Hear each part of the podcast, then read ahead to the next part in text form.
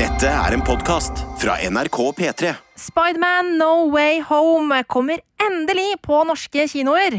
Ozark, krimserien til Netflix, får endelig starten på sin finalesesong. Og den siste sesongen av The Expanse er ute i sin helhet. Og så vil vi bare si, for vi får noen henvendelser på det de her podkastene til Filmpolitiet de hører du aller først i appen NRK Radio, som er NRKs eh, app.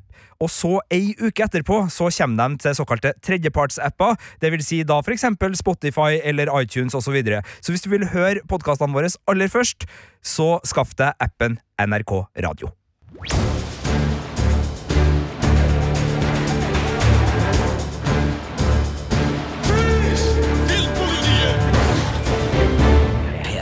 Og det er jo sånn at uh, Spiderman No Way Home har vært utsatt og utsatt og utsatt. Uh, men uh, du, Sigurd Vik, har sett den? Det har jeg, og det har også vår kollega Birger Vestmo, som har sett den og anmeldt den.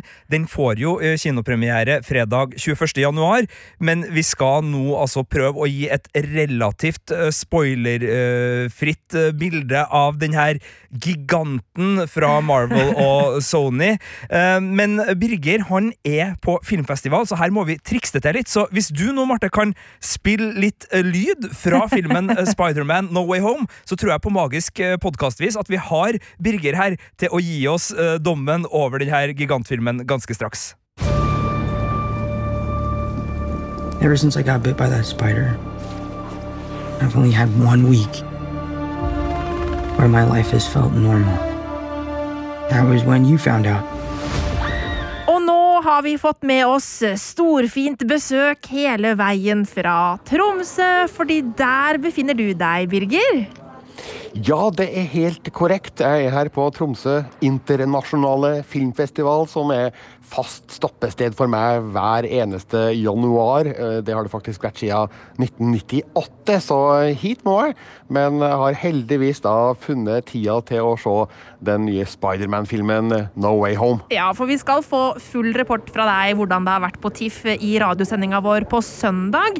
Eh, men nå skal vi altså eh, få lov til å høre litt om din anmeldelse av Spiderman No Way Home, som jeg ikke har sett. Har du rukket å se den, Sigurd? Jeg jeg, jeg, tok meg den frihet å, å, vandre inn på en pressevisning og, og, og se den her i, i Trondheim, ja. Så, så, jeg har også sett den. Og så er det jo da Birger som har uh, fasiten, og ikke minst terningen og den endelige dommen over den her, jeg vil si, ganske så underholdende oh, superheltfilmen. Jeg er jo så spent, fordi det her er jo en film som har blitt utsatt eh, og utsatt og utsatt eh, pga. korona, men, men, nå er den her. Birger, fortell. hva kan jeg glede meg til? Ja, altså, du kan glede deg til en film som kommer til å overraske deg. Eh, vel å merke hvis du har greid å holde deg unna spoilere, for den har jo blitt vist i resten av verden i over en måned. og det er ting i denne filmen som kan være greit å ikke vite om før du går og ser den, eh, så jeg skal heller ikke avsløre hva det handler om, selvfølgelig. Men eh, personlig så har jeg da greid å gå rundt en hel måned uten å vite noe spesielt Eh, detaljert om hva som skjer i No Way Home, og det ga full uttelling da jeg så den her i Tromsø tidligere denne uka. Eh, og ja, jeg kan nok si at du kommer til å synes at det er både morsomt og underholdende, eh, kanskje litt sårt og trist også, men fremst av alt så er det her en, en crowd pleaser av de helt store, og jeg kan jo godt forstå at den har rukket å gå inn på topp ti-lista over tidenes mest innbringende filmer allerede. Eh, det, ja, den er, den er, nesten så god at jeg kan forstå det. Eh, 'Spiderman No Way Home' er tydeligvis en film som veldig mange har venta på, og jeg ble i hvert fall eh, ikke skuffa. Eh, Sjøl om eh, jeg hadde jo visse forventninger til den her, da, siden den allerede har gått så grisegodt i resten av verden. Men eh, nei, den innfridde mine forventninger virkelig, altså. Det her er storslått, storslagen effektunderholdning på sitt aller, aller beste.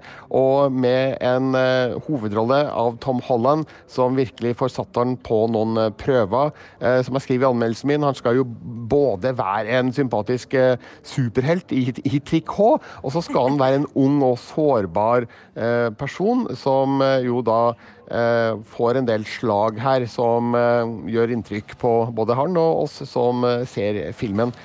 Skal jeg si litt om handlinga da, Marte, uten å avsløre noe? Ja, gjerne gjør det, Ja. for jeg har jo sett traileren, og der har jeg blitt litt, litt sånn forvirra. Jeg ser, vet at det er noe med Dr. Strange å gjøre, og, og det, det antar meg at det, det er noe tidslinjer og noen universer og greier på gang, eller? Ja, det er helt korrekt. Altså, Hvis du husker da den forrige filmen, Far From Home, som kom i 2019, på slutten der så ble jo da Spidermans eh, identitet avslørt av eh, Mysterio, som da ble spilt av Jake Gyllenhaal. Så nå, når vi går inn i eh, den nye filmen, så vet hele verden at Spiderman da er Peter Parker. Hans cover is blown, som vi kan si. Og det skaper jo en del eh, trøbbel da. Han eh, mister jo selvfølgelig sin anonymitet rimelig raskt. og vi eh, ser jo da hvordan det også skaper problemer for hans videre skoleplaner.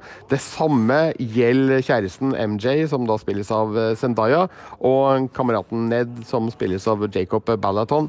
Så ganske tidlig i filmen så finner Peter Parker ut at nei, men det her vil han ikke ha noe av lenger. Han ønsker at verden skal glemme at han er Spiderman, og det er der Dr. Strange kommer inn i bildet. Jeg kan jo si såpass, fordi han er jo med i traileren. Eh, spilles jo da selvfølgelig av Benedict Cumberbatch, og han er jo en mann med flere talenter. Eh, han kan da bruke litt sånn magi for å få verden til å glemme at eh, Peter Parker er Spiderman, men så skjer det noe galt underveis der. og eh, Resultatet blir litt annerledes enn de hadde tenkt. Eh, Det kommer da noen eh, figurer inn fra noen parallelle univers. Eh, Og det er figurer som eh, andre Spiderman-utgaver tidligere har kjempa mot, nemlig Doc Og Sandman og The Green Goblin, blant andre. Og jeg sier det fordi at de er også med i traileren, og så skal jeg ikke si noe mer enn det. Ja, det Men bra, her det er kommer, jo da, her kommer jo da multiverset inn i bildet, ikke sant? som vi Mm. har jo sett antydninger til tidligere i Marvel-filmer. Eh, og vi får vel se enda mer av det i den nye Doctor Strange-filmen eh, In the Multiverse of eh, Madness, som kommer 4. mai. Eh, og så tror jeg nok at vi får enda mer multiverse-trøbbel i Spiderman Across the Spider-Verse Part 1, som da kommer i eh, oktober. Men eh, for Spidermans del så, så vil det altså da resultere i at han må kjempe mot eh, skurker som eh, andre utgaver av Spiderman har eh, bekjempa i tidligere filmer. og det er jo morsomt, da. Det er funny. Og det er noen eh, gode gjensyn her som eh, gir meg filmatisk eh, glede, i hvert fall. Eh, filmen er to og en- halv time lang. Jeg må bare spørre deg, Sigurd. Hva tenkte du om lengden? Ble det, ble det for langt for deg, eller eh, var du fornøyd? Jeg var veldig fornøyd, for jeg syns den klarer selvfølgelig å være en gigantisk superheltfilm i eh, Marvel Cinematic Universe-rekka, hvor vi har fått fem TV-serier og tre andre filmer i fjor, og det dundres på. Og du har jo nevnt at det er eh, andre rollefigurer her som også er kjent og har egne filmer, men likevel så ble det en sånn skikkelig god Spiderman-film. Jeg fikk skikkelig sånn Spiderman-følelsen, og at vi var inne i den litt sånn nostalgiske, gode tonen der. Og med Tom Holland og Zendaya så er jo denne filmen bortskjemt med et eh, hovedrollepar som, som holder i filmens eh, Ja, eh, altså den, den eh, Hva heter det? Altså den gir den bakkekontakt, og, den grunner den ordentlig i en, eh, en god relasjon og en god historie som gjorde at jeg eh, kosa meg i ti minutter i strekk med massevis av eh, attraksjoner fra Marvels superheltverden. Her er det jo ting vi har sett før av eh, effektbruk. Eh, men så sank jeg tilbake igjen og bare liksom nøyt og kosa meg med historier rundt Tom Holland og Zendayas rollefigurer som jeg liker godt. Og her skal også Ned selvfølgelig få en blomsterkast, for han er jo en god comic relief. Ja, du, Det er godt å høre at eh, du er enig med meg der. eh, For sjøl om den varer i to og en halv time, så jeg kjeder meg aldri. Jeg vet ikke om jeg kikker på klokka engang. Det gjør jeg av og til når filmer varer så lenge som det her. Men eh, her er energien med fra første til siste slutt, altså. Og jeg ble engasjert og tatt med på et spennende eventyr som jo er fullt av filmatisk effektgodteri, som, altså, slik som bare Marvel kan, egentlig. Eh, men samtidig, midt blant alle de storslagne sekvensene, så har da filmen en emosjonalitet som er nær og ekte. Du føler for Peter Parker, og du føler for MJ og eh, de strabasene de går igjennom her. Eh, jeg skrev vel i anmeldelsen at filmen er en følelsesmessig berg-og-dal-bane. Her er vi fra de ja, de høyeste toppa til de dypeste bunn i løpet av de to og en halv time lange historien her. Eh, så det er godt å se at regissør John Watts nå virkelig har teken på dette Spiderman-universet, og har en sånn sjølsikkerhet i det filmatiske som gjør at eh, det her knapt kun har vært eh, gjort bedre. Jeg tenker jo at filmen har en historie som åpner for masse muligheter, uten at jeg skal gå nærmere inn på det. Men eh, jeg gleder meg til å se hvordan det her skal fortsette. Fordi eh, ja, vi vet jo at eh, Tom Holland allerede er ja, i hvert fall spurt om å spille mer Spiderman, og han kommer helt sikkert til å gjøre det også. Og den suksessen som Spiderman No Way Home nå har hatt, vil jo bare bety at denne Marvel-figuren eh, kommer til å nyte stor suksess også fremover. Og eh, det at eh, han knytter seg stadig sterkere til Marvel Cinematic Universe gjør at han helt sikkert dukker opp i flere sammenhenger fremover. Og det tror jeg publikum kan nyte godt av. Og jeg kjenner at jeg jeg er ikke lei. Jeg følte litt sånn uh, superheltfatigue etter den siste Avengers-filmen, husker jeg. Men når de nye superheltfilmene heller en så god kvalitet som det her, så kan de bare komme med mer.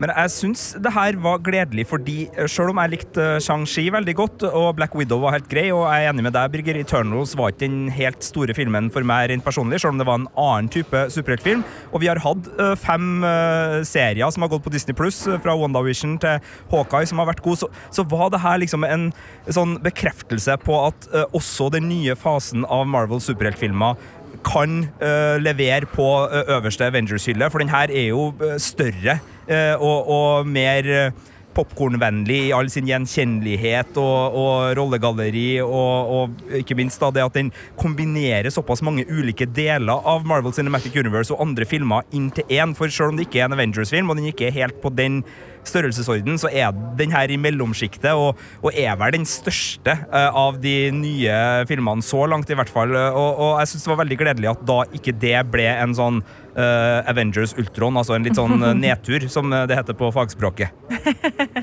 ja. ja, det her er jo en Sony-film, ikke en fullblods mm. Marvel-film, men samarbeidet her er jo så nært og tett at den kan jo nesten regnes som å være en del av Marvel Cinematic Universe. Al altså eh, Kevin Feige er produsent her, eh, slik at båndene er veldig nære og tette. og eh, det tror jeg er veldig smart, både for Sony og for Marvel. At de inngår et lykkelig ekteskap. Det tror jeg er til det beste for både figuren og også for oss publikum.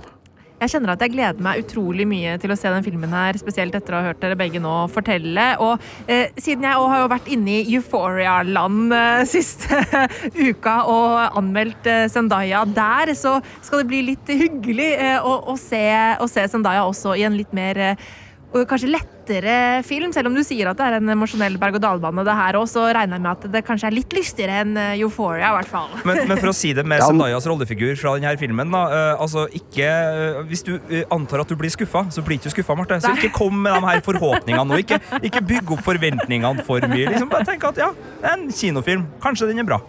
ikke sant. Kanskje den er bra. Jeg stoler på din terningkast fem, Birger, så jeg må nok komme meg på, på kino i løpet av helga, tenker jeg. Filmpolitiet. Filmpolitiet på P3. Fra Spiderman No Way Home skal vi over til en annen serie som eh, du har sett, eh, Sigurd, og som jeg ikke har sett i det hele tatt. Altså, uh, Krimserien Ozark er jo blant Netflix sine mest populære serier. I hvert fall krimserier, Marte. Ja. Uh, og uh, den er jo overflatelekker i sin gråblå estetikk, og er jo da en slags sånn Breaking Bad-historie om Marty Bird som sammen med, min, med, sin familie må reise fra Chicago og et trygt forstadsliv der til Ozark-området, et sånt innsjøområde i USA, hvor han da må hvitvaske penger for meksikanske narkokartell. Ja, og så er det jo sånn at i en seriehverdag hvor det er altså drøssevis med serier og ekstremt mye å velge i, så har Ozark blitt nedprioritert hos meg, fordi, eh, det, og det er din feil, Sigurd, fordi du ga den, ga den første sesongen, og egentlig de kommende sesongene, eh, aldri noe særlig mer enn terningkast fire, stemmer ikke det? De har alle sammen fått ø, solide terningkast fire av meg, fordi jeg har likt den serien, men det er jo en serie som låner veldig mye fra Breaking Bad, fra Fargo, fra Justified og en del andre sånne kvalitetskrimserier. Og den har alltid vært eh, noen hakk under inspirasjonskildene, syns jeg. Altså, den har ikke den samme originaliteten, den har ikke den samme tematiske dybden, den er ikke like nysgjerrig, spesielt sammenligna med Breaking Bad, så, så blir Marty Bird en, sin reise og, og hans familie da en, en popkornvariant, men den har skikkelig gode skurker. Den har en skikkelig fin forbryterfauna i det her Ozark-området. Og jeg kan si så mye, Marte, at når vi nå nærmer oss finalen, fordi det her er sesong fire del én, og så skal, kom, uh, så skal sesong fire del to komme senere i år, så det er sju episoder som nå slippes på Netflix fredag 21. januar. Men jeg kan si så mye at der det har vært terningkast fire på sesong én, på sesong to og sesong tre, gode terningkast fire, altså uh, topp, Ja, ja. topp underholdning. Altså, fire bare er jo med ikke litt, øh, dårlig. Nei, det er litt figurslitasje innimellom, og så har det vært litt sånn Jeg har kjeda meg litt innimellom. Men nå så er vi opp på terningkast fem, eh, og vi kan jo få litt lyd for å sette stemninga da for Ozark sesong fire, del én. Should we get started? Not until our other partner gets here. Partner? So, what's this message from Mexico so important you had to drag us all in here? The Navarro cartel has been made aware that you intend to start producing heroin again. They have instructed us to warn you their response is going to be quick and it's going to be brutal. We're just the messengers here. Ja, jeg skjønner allerede at jeg kanskje bør uh, hute meg inn på Netflix og få sett det her, uh, selv om det jo er en del å se nå. Men eh, denne sesongen eh, ja, I anmeldelsen din, eh, Sigurd, så skriver du at det her er en sesong som rendyrker spenningsunderholdningen. Hva, hva legger du i det? Nei, altså, det er en serie som nå ø, er i innhøstingsfasen. Altså, Den har brukt tre sesonger som har vært litt ujevn, sånn som jeg ser det, selv om veldig mange eh, har elska det her virkelig. Altså. Men, men de har etablert et rikt rollegalleri. Det her er det Kansas City Mafia, her er det Snell-familie, her er det Langmore-familie, altså to ulike Her er det rednecks og hillbillies i hver sin familieklan. Her er det meksikanske kartell, her er FBI. eh, her er det selvfølgelig interne stridigheter i Bird-familien mellom både barn og voksne, og også videre intrikate sammenstillinger. Vi har fått arena som et elvebåtkasino.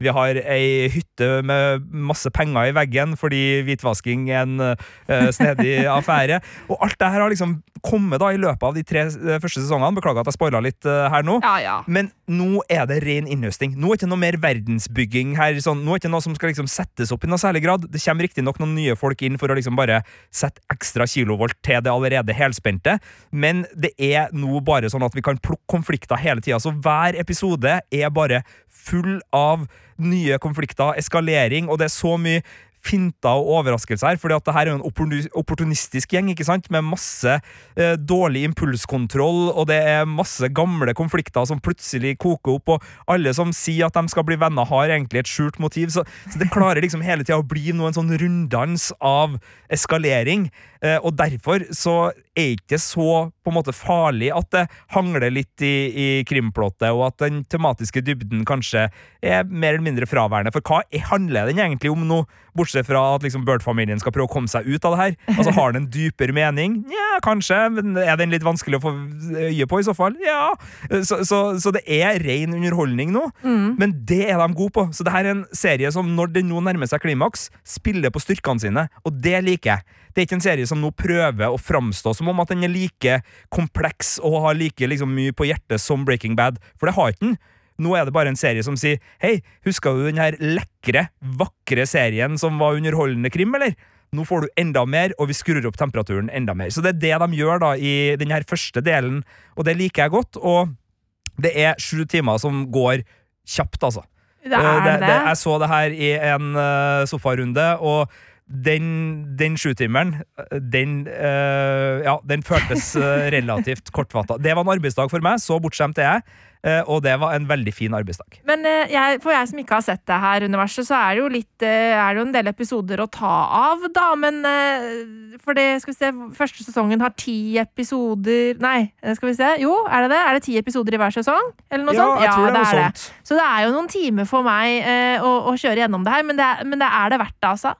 Ja, altså, det, øh, hvis du liker men, og, og her er det jo spørsmålet altså, Når jeg name-dropper Breaking Bad, Justified mm. og Fargo, er det serier som du elsker, eller er det også serier som du kanskje ikke har sett alt av? Jeg har jo ikke sett uh, Jeg har jo ikke sett alt av Justified, for eksempel. Og Nei. jeg har heller ikke sett alle sesongene av Fargo heller. Nei. Uh, Så da er kanskje sånn smaksmessig men Breaking Bad så jeg jo, da. Men Ja, men den måtte jeg jo litt... bruke tre ganger på å begynne å se.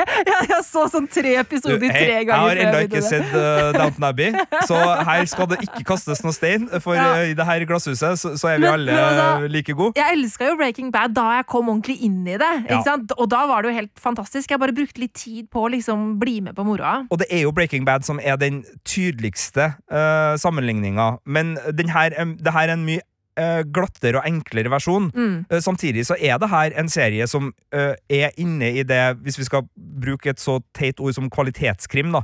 Fordi den er så forseggjort. Altså, det her er velspilt, det er veldig gode skuespillere, det er rollefigurer her som du blir skikkelig glad i, Mm. eh, og du engasjerer deg skikkelig i.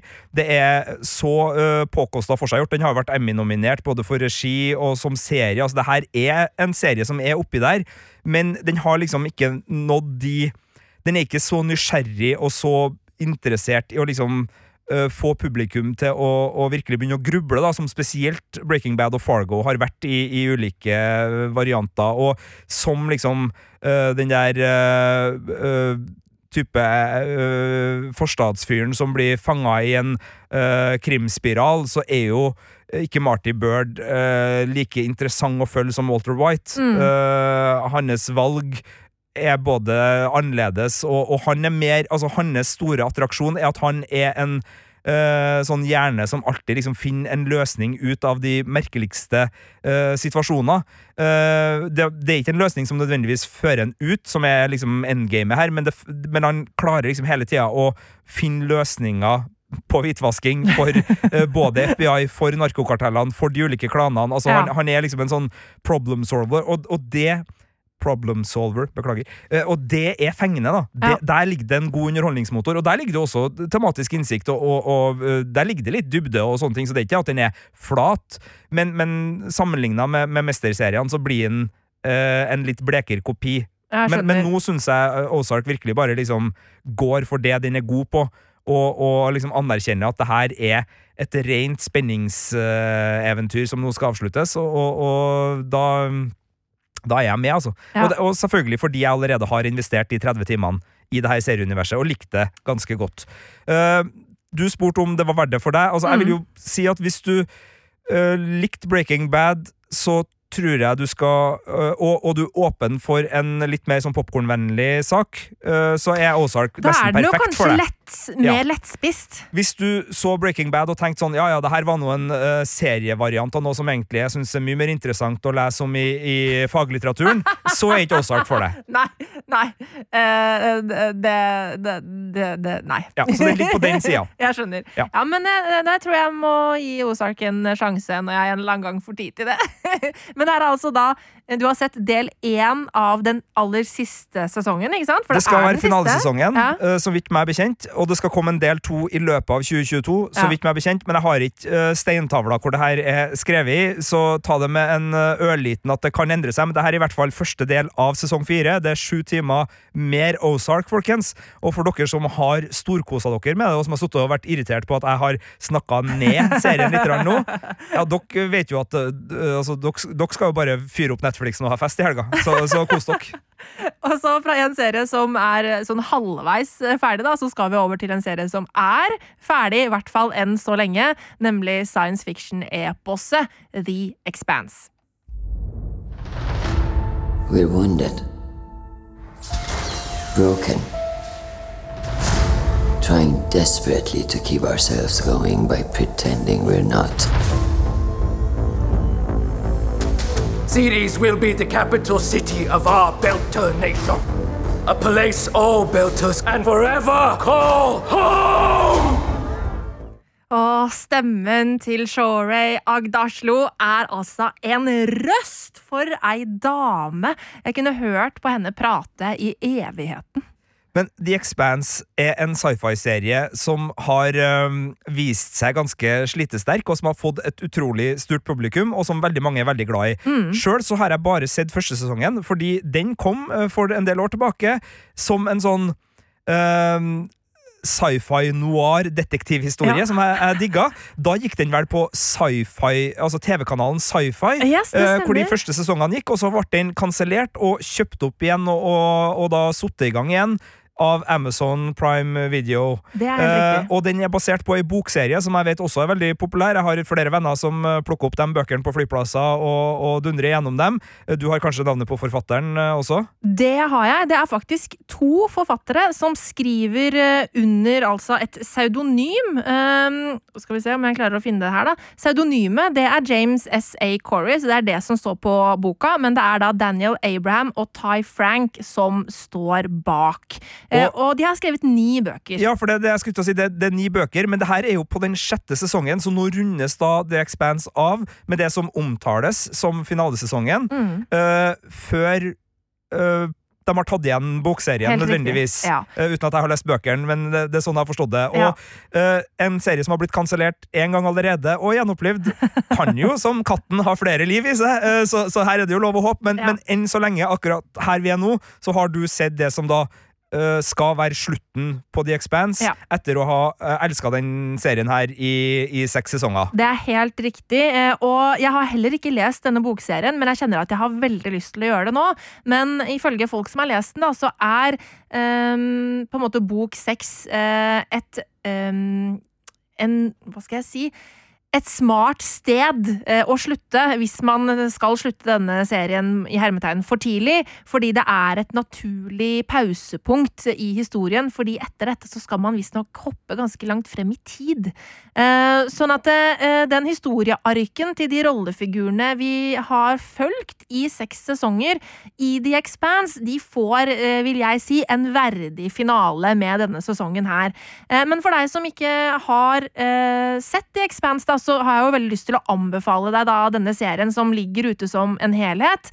Eh, Eh, Ligger alle sesongene ute hos Amazon Prime, eller Det er er det sånn at de første sesongene ligger en annen plass? Nei, da, alt er ute på Amazon Prime Video. Eh, tidligere så var det jo Netflix som hadde de første sesongene her i Norge, men eh, nå er alt på Prime. Um, og det her er jo da en eh, science fiction-serie som holder seg i relativt hard sci-fi-universet. Her er på en måte veldig mye basert på ekte fysikk eh, og ekte vitenskap, eh, ekte steder i solsystemet vårt. Um, og vi befinner oss sånn ca. 300 år frem i tid, eh, ish. Eh, hvor da menneskeheten har befolka og kolonisert eh, solsystemet. Eh, det er folk som bor på månen, som det kalles for Luna. Eh, Mars er en egen nasjon. Det bor folk på månene til Jupiter og Saturn, og Ceres, som er en dvergplanet i asteroidebeltet. Der er det en romstasjon eh, som driver med utvinning av ressurser der ute. Sånn at det, Ja, for det var litt sånn gruvedrift og litt Der er sånn storkapital? ja. Storkapital og, og, og konflikter mellom uh, ulike uh, uh, ja, holdt på å si befolkninger, det blir kanskje Ja. ikke helt riktig, men ja, Jo, som var jo- i, i sesong én, i tillegg til det her krimmysteriet. Men Riktig. er det fremdeles en krim-sci-fi, eller har den gått over til å bli en, en, en sci-fi-serie hvor storpolitikk og andre sånne ting da har tatt en større plass? Ja, for den, den krimdelen som er i innledende sesongene, den er på en måte runda av. Eh, og, og serien blir etter hvert et skikkelig sånn storpolitisk drama som handler mye om eh, menneskets utnyttelse av ressurser, eh, hvordan vi utnytter hverandre. Altså, du kan tenke deg hvordan jordkloden ser ut i dag, eh, med en del folk som har ganske mye ressurser, andre land som ikke har det, og hvordan eksempel vi her i Vesten kan utnytte eh, andre mindre ressurssterke land.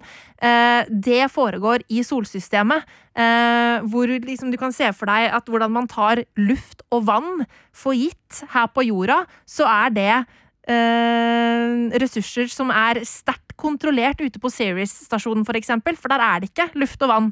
Eh, og på en måte sånn, den der bruken av ressurser og den det misbruket av folk i den forstand at man på en måte utnytter dem for arbeidskraft, eksempel, er, er veldig viktig. Og det har jo da brygga opp til stor konflikt i solsystemet i løpet av Eller det er vel Det er jo allerede konflikt når vi først egentlig trår inn i det universet her i sesong én, men det brygger til krig på slutten her nå, og det er et landskap som er veldig spennende å være i, og det er mye interessant rundt hvordan på en måte en ganske sånn realistisk fremtid da, kan se ut uh, for menneskeheten.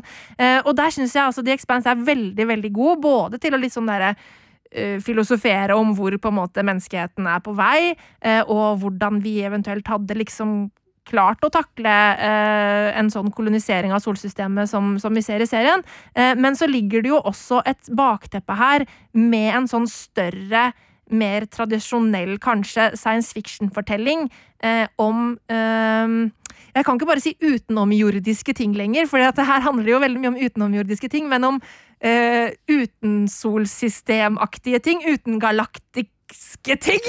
Altså, skjønner, ting som ikke hører hjemme i vårt eget solsystem, eller galakse, kanskje, da. uh, som også er et sånt eh, bakteppe her, som uh, jo er noe av det som er knytta til det mysteriet som um, første sesong innleder med. Um, og det er også et, en veldig spennende historie å følge. Og så er det ikke alle historiene som blir egentlig fortalt ferdig eh, i eh, sjette sesongen av The Expanse. For det er jo sånn at vi har fulgt da eh, mannskapet om bord på eh, fregatten Rosinante eh, gjennom alle disse sesongene her. Eh, det er kaptein Jim Holden, det er Amos, det er Naomi Nagata og en hel gjeng med andre folk som vi har fått lov til å bli kjent med i løpet av sesongene. Um, og så er det da også selvfølgelig fantastiske Shorey Agadashlo som, som spiller um, den jo, jordlige politikeren Christian Aversala. Um, og deres historie syns jeg vi får fullført på en god måte. Og jeg føler at vi på en måte har vært med på en historieark med alle dem, uh, hvor deres rollefigurer har fått gode utviklinger. og Sånn at jeg skjønner at det er et naturlig sted å runde av. Samtidig som jeg etter den siste da, finaleepisoden i det som liksom skal være den aller siste sesongen, bare skriker etter mer. og har virkelig lyst til å få lov til å nøste opp i de historietrådene som ikke blir uh, nøsta opp i her, da. Så du kommer til denne podkasten med et todelt budskap. Mm. Det ene budskapet er Se The Expanse. Det er en kjempebra sci-fi-serie med både uh, god verdensbygging og et storpolitisk interessant bakteppe som går på ressursbruk og hvordan vi mennesker behandler hverandre. Mm. Eh, og en bønn til potensielle strømmetjenester med store lommer om ja. å fullføre den historien. Sjøl om sesong seks var et fint sted å slutte, så er det mer å fortelle her, og ja. du vil ha svar. Du krever svar, ja, du må ha svar. Ja. Du er ikke fornøyd med å ikke ha fått svar. Uh, altså, uh, og det som er litt sånn kult, er at uh, forfatterne Abraham og Frank de er også manusforfatterne som har adaptert sin egen bok for skjermen. Sånn at de er dypt inn i selve TV-serien også. Og de sier jo at ja, dette her var et naturlig sted å slutte. Dette var et sluttpunkt vi så for oss at kunne være et sted, hvis vi ikke fikk forlenget mer. Altså sånn, eh, de, deres ønske er jo selvfølgelig å fullføre hele historien, men dette var et naturlig sluttpunkt eh, hvis det var sånn at man ikke fikk nok eh, penger da, til å fullføre. Eh, og, og, budsjett er også en grunn til at denne sesongen har færre episoder enn enn, den, eh, enn de tidligere sesongene har hatt også. Eh, sånn at men, men, men, de sier jo at vi lager gjerne mer. Eh, og det som er fint, er at eh, produksjonsselskapet bak The Expanse de, de sitter på alle rettighetene her. Sånn at eh, om Amazon Prime har lyst til å lage flere sesonger i fremtiden, eller om et annet nettverk eller strømmeselskap har lyst til å lage flere sesonger i, i seinere, så er det absolutt muligheter for det. Um, så jeg krysser jo fingrene for det, uh, samtidig som jeg merker at jeg kommer jo ikke til å klare å vente på det, så nå må jeg jo bare begynne å lese bøkene, rett og slett. Skal du da, sånn som jeg gjorde etter at jeg, jeg hadde sett noen sesonger av Game of Thrones, eh, og begynt da bare rett på bok tre etter to sesonger, eller skal Altså- du begynne på bok én? Jeg, jeg husker jeg dissa Jeg har bok eller én nemlig ja, liggende. Ja, har du det? Ja, jeg har det. jeg har jo erta deg mange ganger for at hvordan kunne du gjøre det, og liksom, du kan jo ikke starte på bok tre eller etter bok tre. Uh, uh, men jeg må innrømme at jeg googla Etter at jeg hadde sett siste episode her nå, så googla jeg liksom sånn Can I start on book seven after watching season six?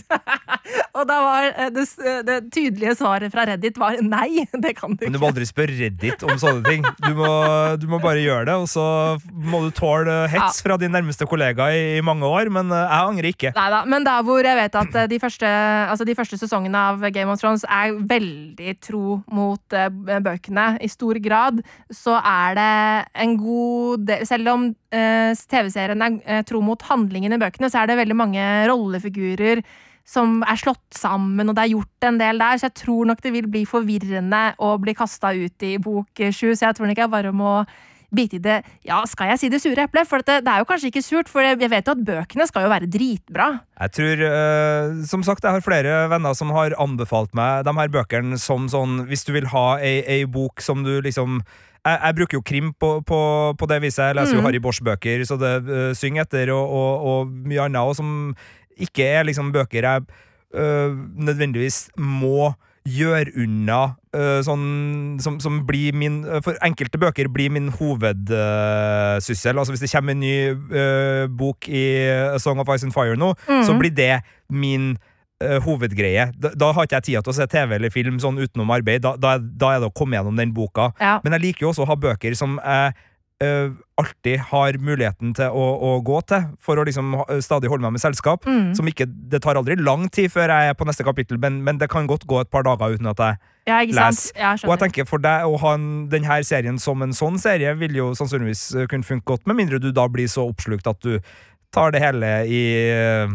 et jafs og, og bli en av de som uh, driver med sånne der FundMe-pages for sesong 7, 8 og 9, og blir liksom oppslukt, og plutselig så merker vi at du driver og skaffer intervju med serieskaperne, sånn, uten at det egentlig er noen nyhetskriterier, men bare for å liksom spørre dem om hvordan det går, og hva du kan gjøre for å hjelpe til, og skifte da helt fra liksom journalistisk kredibilitet til uh, fanperson Ja, ja, nummer det, ja. det har skjedd.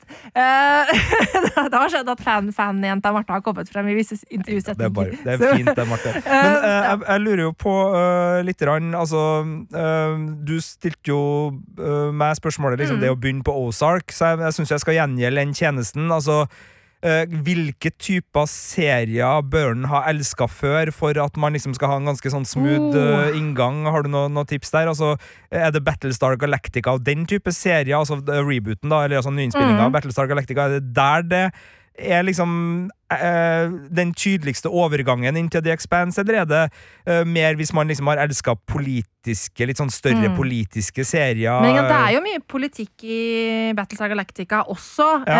Eh, men den er jo mer såpete. Mm. Eh, selv om jeg syns ikke Battlestar Galactica er såpe, altså, men på en måte i, den er mer lettbeint eh, på den måten. Eh, her er det jo mye mer realisme ute og går.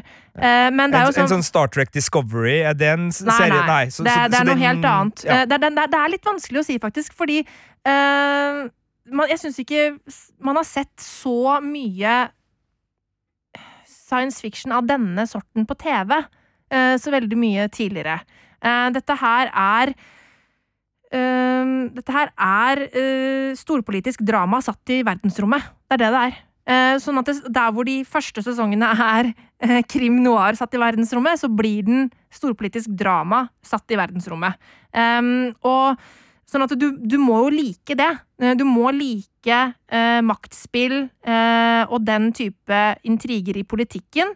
um, og på en måte uh, syns det er spennende med liksom hvordan ulike fraksjoner og nasjoner forholder seg til hverandre. Uh, hele den der pakka. Men så er det jo òg en actionserie inni her. Uh, det er ikke enormt mye action, men det er jo noe action. Sånn at du kan, du kan se for deg at det er et storpolitisk drama med action i rommet. Uh, og, og det er en veldig realistisk Det er ikke 100% hard science fiction, men det er ikke langt unna. Sånn at det anbefales virkelig. Uh, og så må jeg bare si at jeg husker da jeg så første sesongen, så likte jeg den veldig godt. Jeg synes det var veldig, Da var det en veldig rar serie.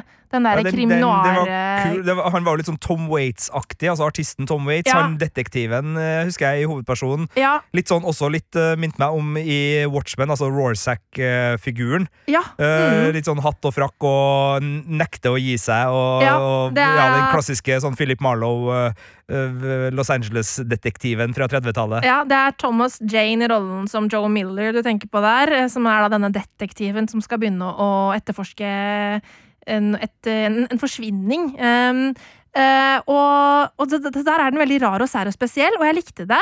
Og så jeg, begynte jeg å falle litt av i sesong to og tre, fordi at jeg skjønte ikke helt at serien var i ferd med å bli noe annet. Uh, og så fikk jeg ikke helt tak på rollefigurene. Uh, men det var fordi at serien tar seg tida til å utvikle disse folka som hele og ekte mennesker. Sånn at eh, du må på en måte bruke sesongene på å bli kjent med dem. eh, før du kanskje blir glad i dem, da. Eh, men i løpet av sesongene så har jeg blitt kjempeglad i, i crewet på Rosinante, og jeg har blitt kjempeglad i serien, så The Expanse er absolutt en anbefaling, og den siste sesongen får terningkast fem av meg. Det er godt å høre. Eh, Vi er egentlig helt ferdig med denne podkasten nå, men siden det skjedde en ting i går, så må jeg Oh, likevel Lord. hive inn eh, et uh, spørsmål, Marte Hedenstad. Nå har vi fått den første smakebiten, og vi har fått tittelen på en TV-serie som er satt til et slags Ringenes herre-univers, eh, og som da skal komme på Ja. Amazon Prime Video. Ja, ja, Det blir mye reklame for dem her nå. Den 2. september 2022. eh, Og på norsk så blir det der eh, Tittelen på serien er Ringenes herre, maktens ringer. Eh, og vi fikk da en liten smakebit eh, og, og litt eh, En god pekepinn på hva det her skal handle om, og det er da Sauron eh, og, og hans eh, rolle i uh, ja, uh, smiinga av uh, Maktens ringer, som, eh, som blir da storyen. Og Marte Henstad som livslang omtrent uh, Ringenes Ja. herre-fan og hypegirl her i Filmpolitiet. Hva Neida. mener du? Det der var en henvisning til at Marte i går stilte spørsmålet i flere sosiale mediekanaler om, om det var bare å gå full hype nå eller ikke. Men, men det ja. nå, har, du- nå har du fått sove på det. Altså, hva Ja. syns du om første smakebit fra Ringenes herre-serien? Det var helt nydelig. eh, som da heter på originalspråket Lord of the Rings, The Rings of Power. Eh, og eh, ja, vi ser jo da jeg plutselig jeg, har faktisk satt meg en liten, en liten blund. for jeg hadde sovet litt, for jeg hadde sovet litt dårlig natt til i går. Så jeg sov litt, og så våkner jeg opp, sjekker bare Instagram, bare sånn, er litt sånn trøtt, og så bare What's this? Og så bare hæ? Så bare, hæ? What? Det ser ut som en, er det noe, en dal med noe tåke over fra liksom Lord of the Rings-kontoen på Instagram. Jeg bare, hva er dette her? Kjempespennende. Og så liksom zoomes det ut, og, og, så skjønner jeg etter at det ikke er, det er ikke et landskap, det er noe annet. Og så, er, så ser jeg liksom det som ser ut som smiingen av ringen, og du får da eh, en voiceover som sier da dette ringverset, og som endelig sier Mordor på riktig måte! Eh, og det er altså helt nydelig, og jeg ligger der og bare eh, Ja, jeg blir totally hyped eh, og kjempeivrig. Eh, og for øvrig, eh, eh, det fikk jeg tips om av en på Instagram som, eh, som sendte meg en video fra jeg tror det var IGN. Eh, det, det er ekte. Det smis på ekte.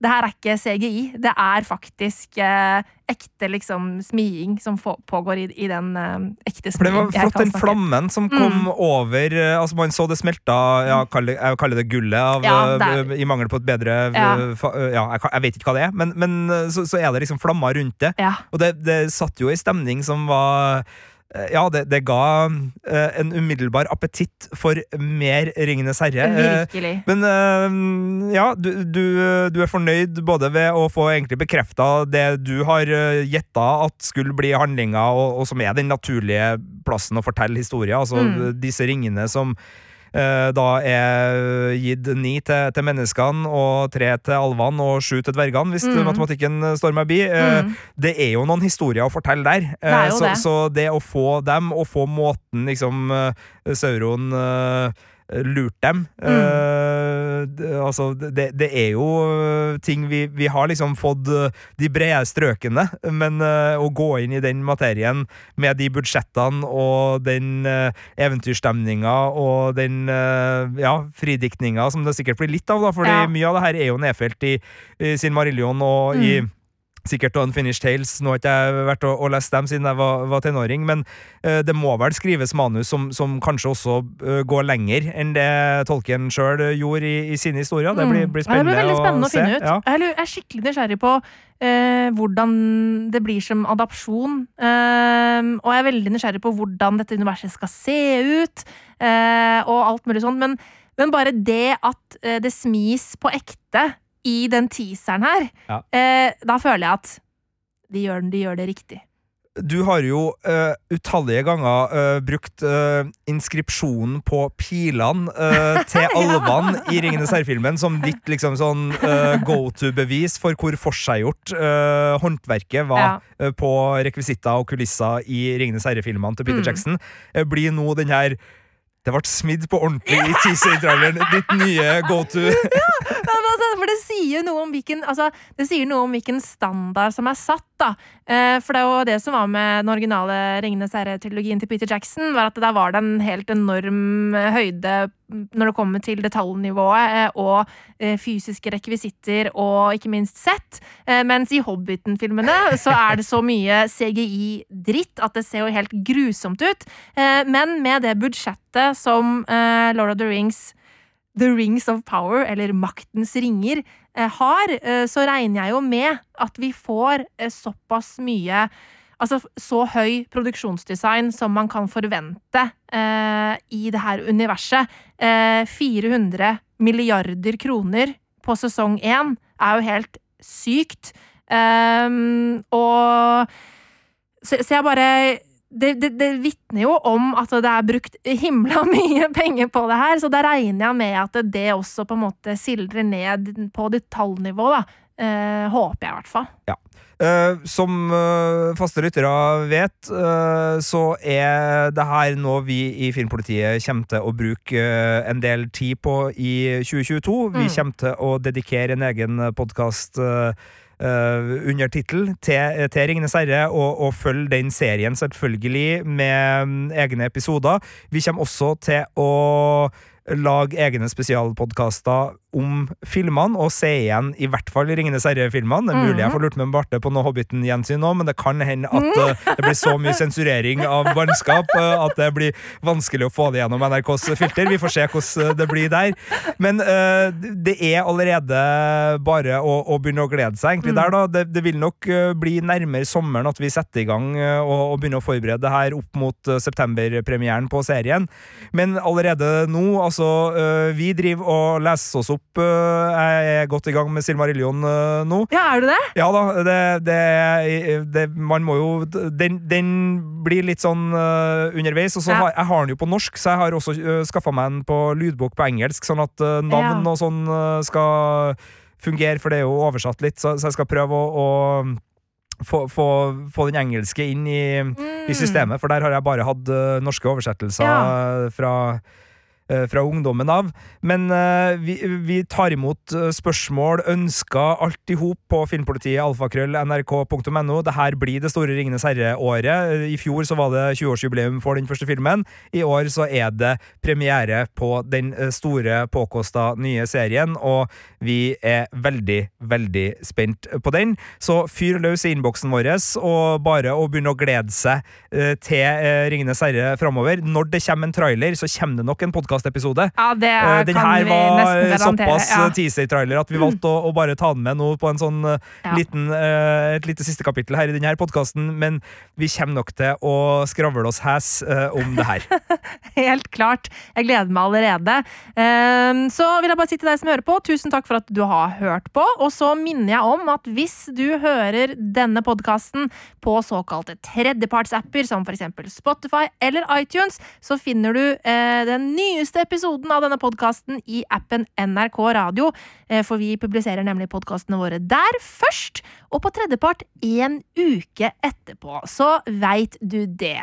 Eh, så ja, jeg sier som Sigurd. Eh, hvis det er noen du lurer på, egentlig hva som helst som handler om film og TV-serier, send det til oss på filmpolitiet alfakrøll nrk.no. Du har hørt en podkast fra NRK P3. De nyeste episodene og din favorittradiokanal hører du i appen NRK Radio.